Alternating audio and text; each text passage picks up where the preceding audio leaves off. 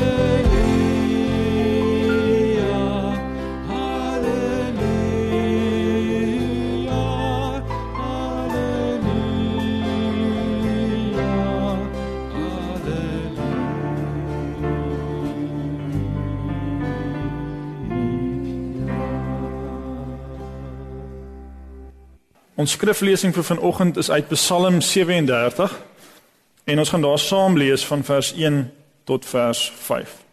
Psalm van Dawid. Moet jy nie ontstel oor skelms en jou kwel oor skurke nie, want soos gras vergaan hulle gou en soos groenigheid verdwyn hulle sommer. Vertrou liewer op die Here en doen wat goed is. Woon en werk rustig voort. Vind jou vreugde in die Here en hy sê jou gee wat jou hart begeer. Laat jou lewe aan die Here oor en vertrou op hom. Hy sal sorg. Ek wil vanoggend eintlik net by een vers stil staan en ek lees dit weer. Dis vers 4. Vind jou vreugde in die Here en hy sal jou gee wat jou hart begeer. Nou dit klink baie mooi.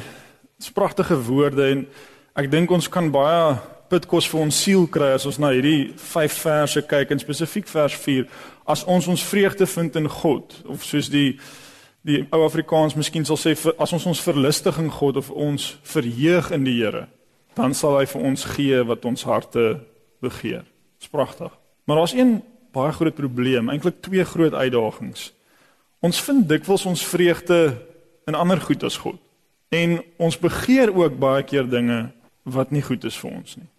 So hierdie woorde wat hierdie sleutel het van vreugde en die begeertes van ons hart As ons rondom ons kyk en na ons eie lewens kyk, dan blyk dit om eintlik baie moeilik waar te wees vir ons. Nou as ons kyk na enige mens, enige een wat hierso is en wat luister vanoggend, dan weet ons dat die hoofdryf van die mens die dryf is vir vreugde. Nou goed, ons kan praat oor plesier. Mense vind baie keer plesier as vreugde, maar die soeke en die verlange is vreugde om gelukkig te wees om blydskap te hê. Ek meen wat anders sal ons najag? In die lewe. En begeerte bestaan net omdat vreugde bestaan. Ek weet nie of jy al so daaraan gedink het nie. Mense sou die vergelyking kon gebruik om te sê dat begeerte is soos 'n tou waaraan ons vashou wat die belofte het dat aan die einde van daai tou gaan ons by vreugde uitkom. So as ons begeer, dan is dit op grond van 'n belofte wat daai begeerte maak dat daar blydskap aan die einde daarvan gaan wees. Maar jy sien nou is die probleem is baie keer is hierdie soeke is nietig. So wat gebeur met mense is ons vat die tou en dit beloof vreugde, dit beloof plesier, dit beloof blydskap en dan kom ons by die punt van die tou en as ons daar kom dan sien ons maar dit stel eintlik te leer en dit gee nie vir ons wat ons eintlik wil hê nie. En in plaas van om dan te gaan sit en daaroor te dink en na die Here te luister en en regtig vir onsself eerlik te sê hoorie maar hierdie werk nie, tel ons die volgende tou op. Volgens die volgende belofte streef ons na die volgende vreugde wat oor ons pad kom. En dis die lot van die mens as ons na die wêreld kyk. Prediker het gepraat van 'n gejaag na wind. Niks is nuut nie. Ons is gemaak om vreugde in in God te vind. Nou ons gaan vanoggend na vyf tonele kyk waarna ek u wil saamnooi om om dieper te delf. En twee van hierdie tonele is uit die alledaagse lewe wat ons gaan sien afspeel waar ons onsself gaan inleef. En twee van die ander twee van hierdie tonele is uit die woord van God, goed wat in die Bybel afgespeel het. En dan die laaste toneel, die 5de een, is waar hierdie twee wêrelde bymekaar uitkom, sodat ons weer kan verstaan hoe ons Psalm 37 vers 4 in ons eie lewens kan leef. Nou die eerste toneel eh, wat ek wil hê jy jouself moet indink is dat jy gaan inkopies doen. En ehm um, ek gaan nou nie winkels se name noem nie want miskien trek ek iemand voor. Maar jy's jy's besig om inkopies te doen en jy het jou jou winkeltrollie nou vol gelaai en jy staan in die ry om uit te gaan, maar dis een van daai winkels wat die die rye wat so kronkel en draai. Maar op pad uit is die tydskrifte uitgepak. Dink jouself gou in, jy's nou besig en jy's nou wag nou in die ry. En eers is dit die tydskrifte wat soos die eerste linie van aanval is, as ek dit nou so mag stel. En dan is dit mos nou die sjokolades. Die tweede linie van aanval. En gewoonlik val ons verdediging plat iewers iewers tussen al al hierdie goed.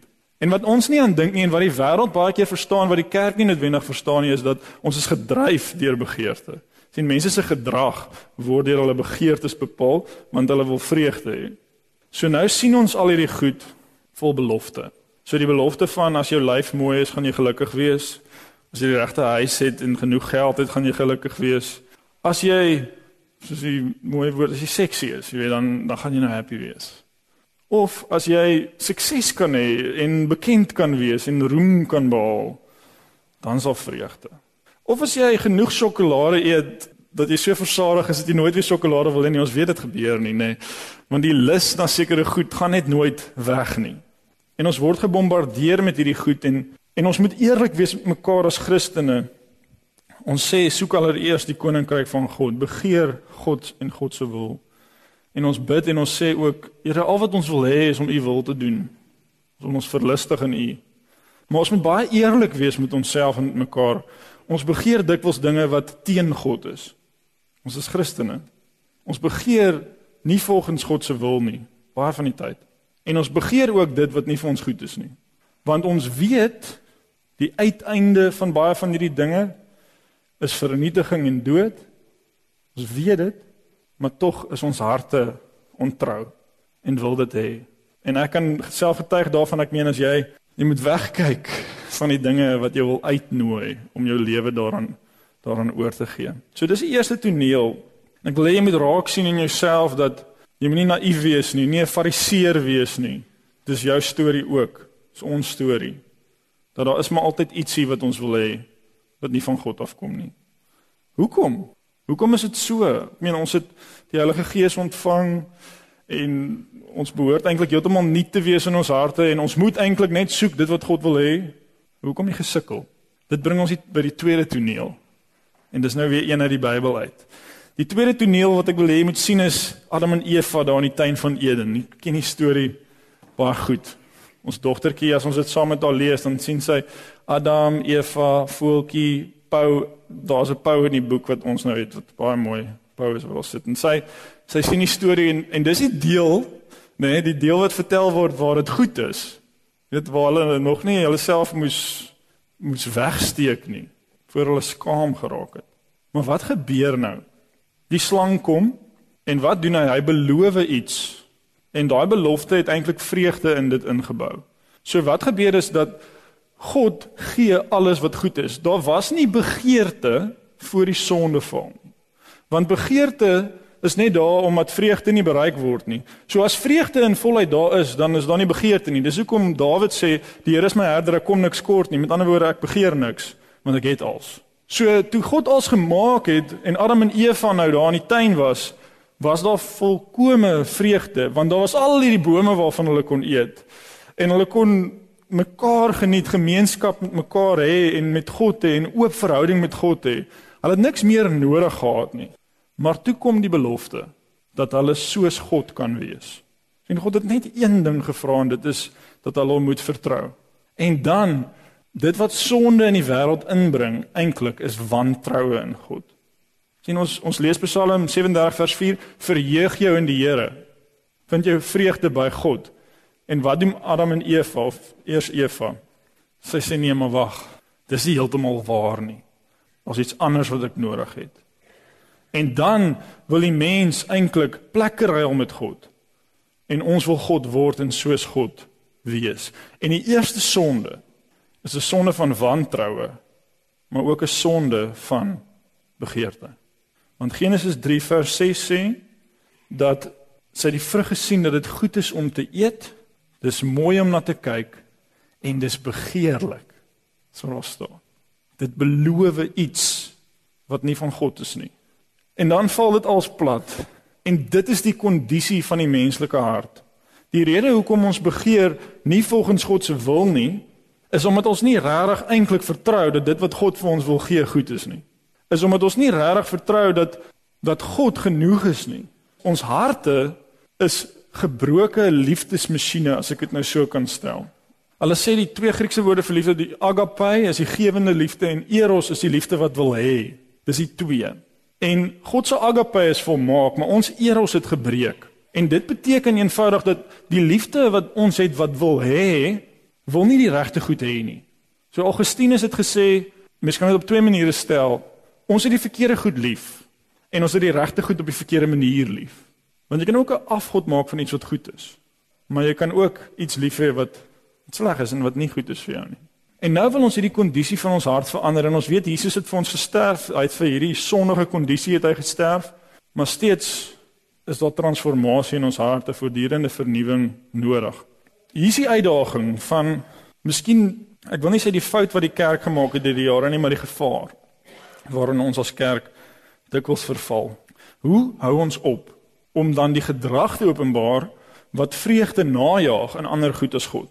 Nou ons het dikwels twee maniere wat ons dit benader en wat ons altyd half as tegniek gebruik as ek dit so kan stel. Die eerste een is kennis. So die kennis beteken ek weet dat hierdie ding nie goed is vir my nie. Ek weet ek mag dit nie doen nie en ek weet dit gaan nie eindig by vreugde nie. Net dis 'n weet ek weet God is lief vir my. Ek weet Jesus is genoeg vir my. Hierdie koppe van ons. Maar dit werk nie want deur dit net te dink verander nie noodwendig die begeerte van jou hart nie. En uiteindelik word ons gedryf deur begeerte. So as dit nie so was nie, as dit net 'n kopding was, dan sou almal wat alkoholiste is van self net kon ophou want hulle weet hulle moenie drink so baie nie. En 'n man wat wil oorspel pleeg met 'n ander vrou sal net vir homself sê hoor hierdie gaan net tot vernietiging lei. Maar dit is nie genoeg nie want daar's begeerte. En die een wat sukses najag tot op so 'n vlak dat dit 'n afgod word, weet ek moet eintlik minder werk, ek moet meer tyd saam met my familie spandeer. Maar as hy begeerte na na oneindige ambisie en sukses. So kennis is baie keer waarmee ons mekaar gooi.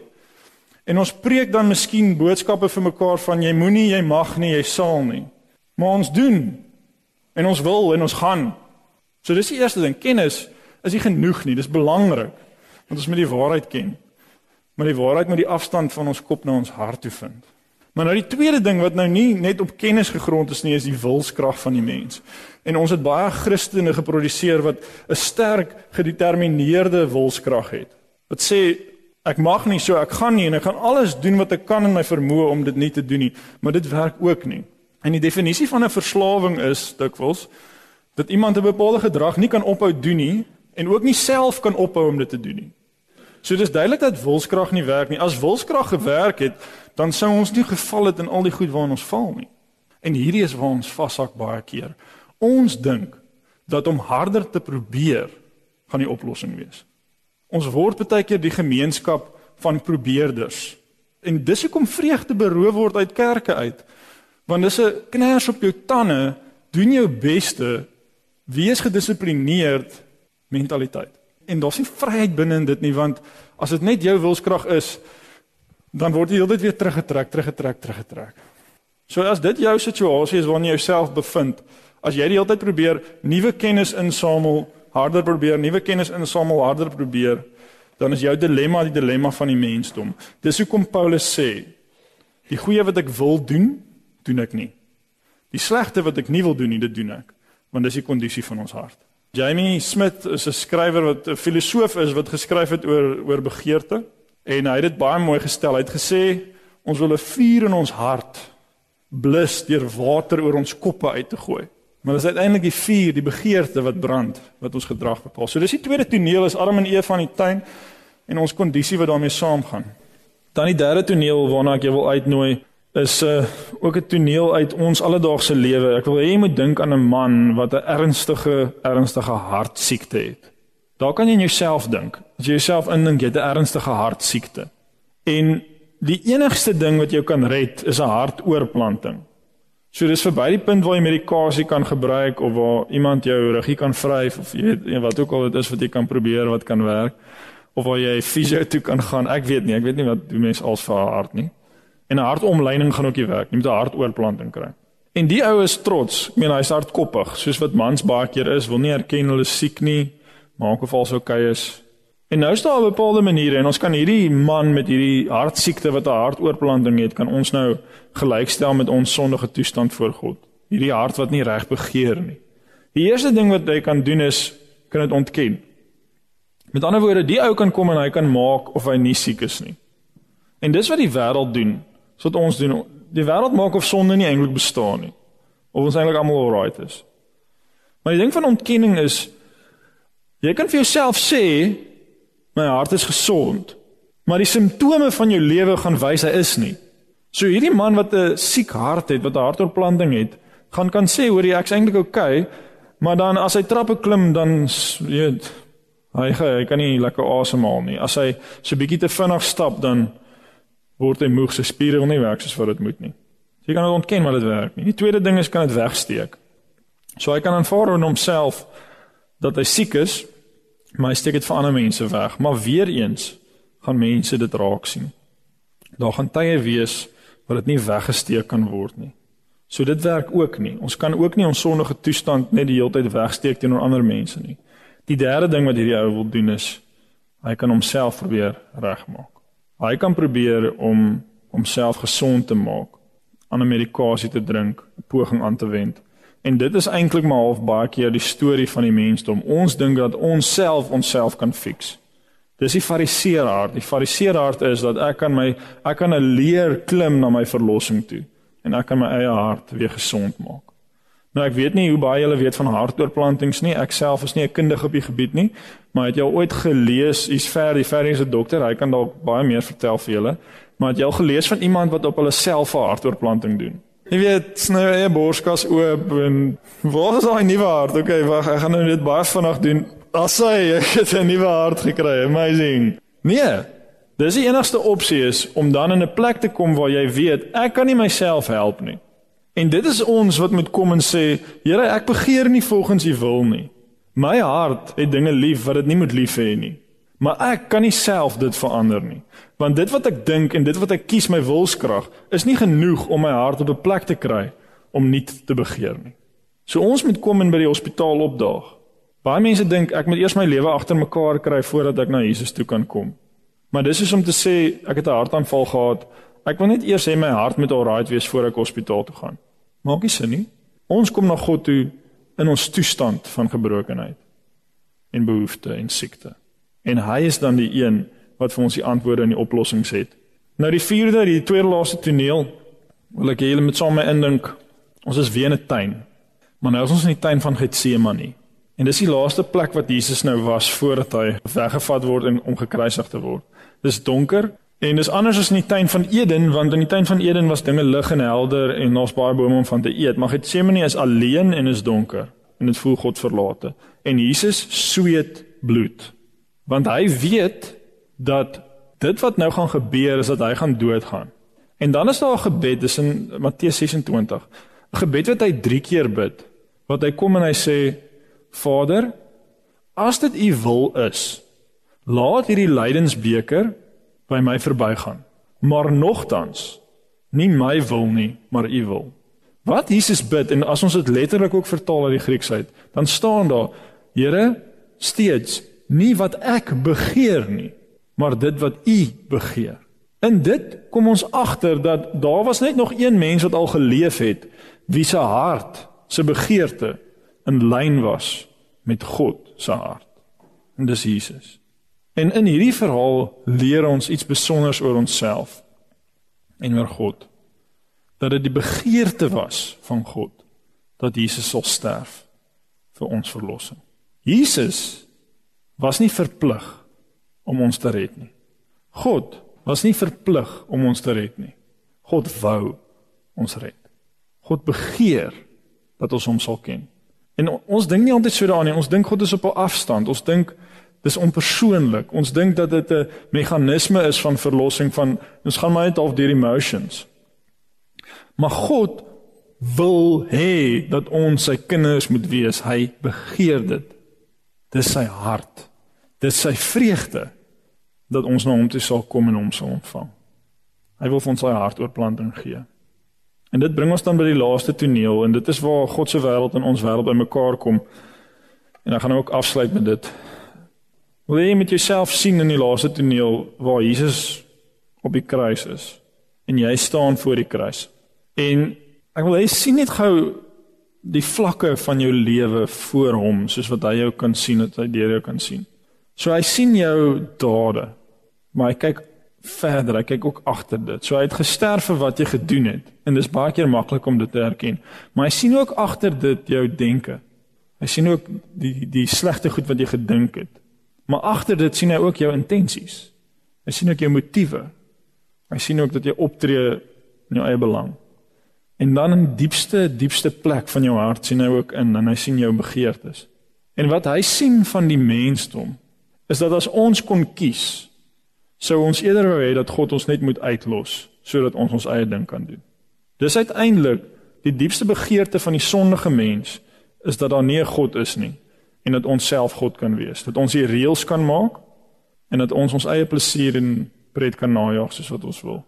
En God sien dit en hy sterf vir dit. God sterf vir ons terwyl ons nog vyande is van hom. So jou toestand as iemand met 'n hart wat nie reg kan begeer nie. Dit is die toestand waarvoor Jesus gesterf het aan die kruis.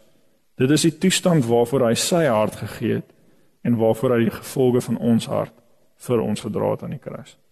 Ek het altyd gedink, jy weet, Jesus het vir my sondes gesterf en omdat ek van hom hou, jy weet, gaan hy my nou red. En toe kom ek agter hoorie, maar ek is baie slegter af as wat ek ooit gedink het want in my hart wil ek jy weet 'n deel van ons hou nie eers van God nie. Ons het nie eers die vermoë eintlik om die regte keuses te maak nie. En hy kom en hy sterf vir ons en dis genade. Genade is om te sê maar ek wil jou hê al wil jy my nie hê nie.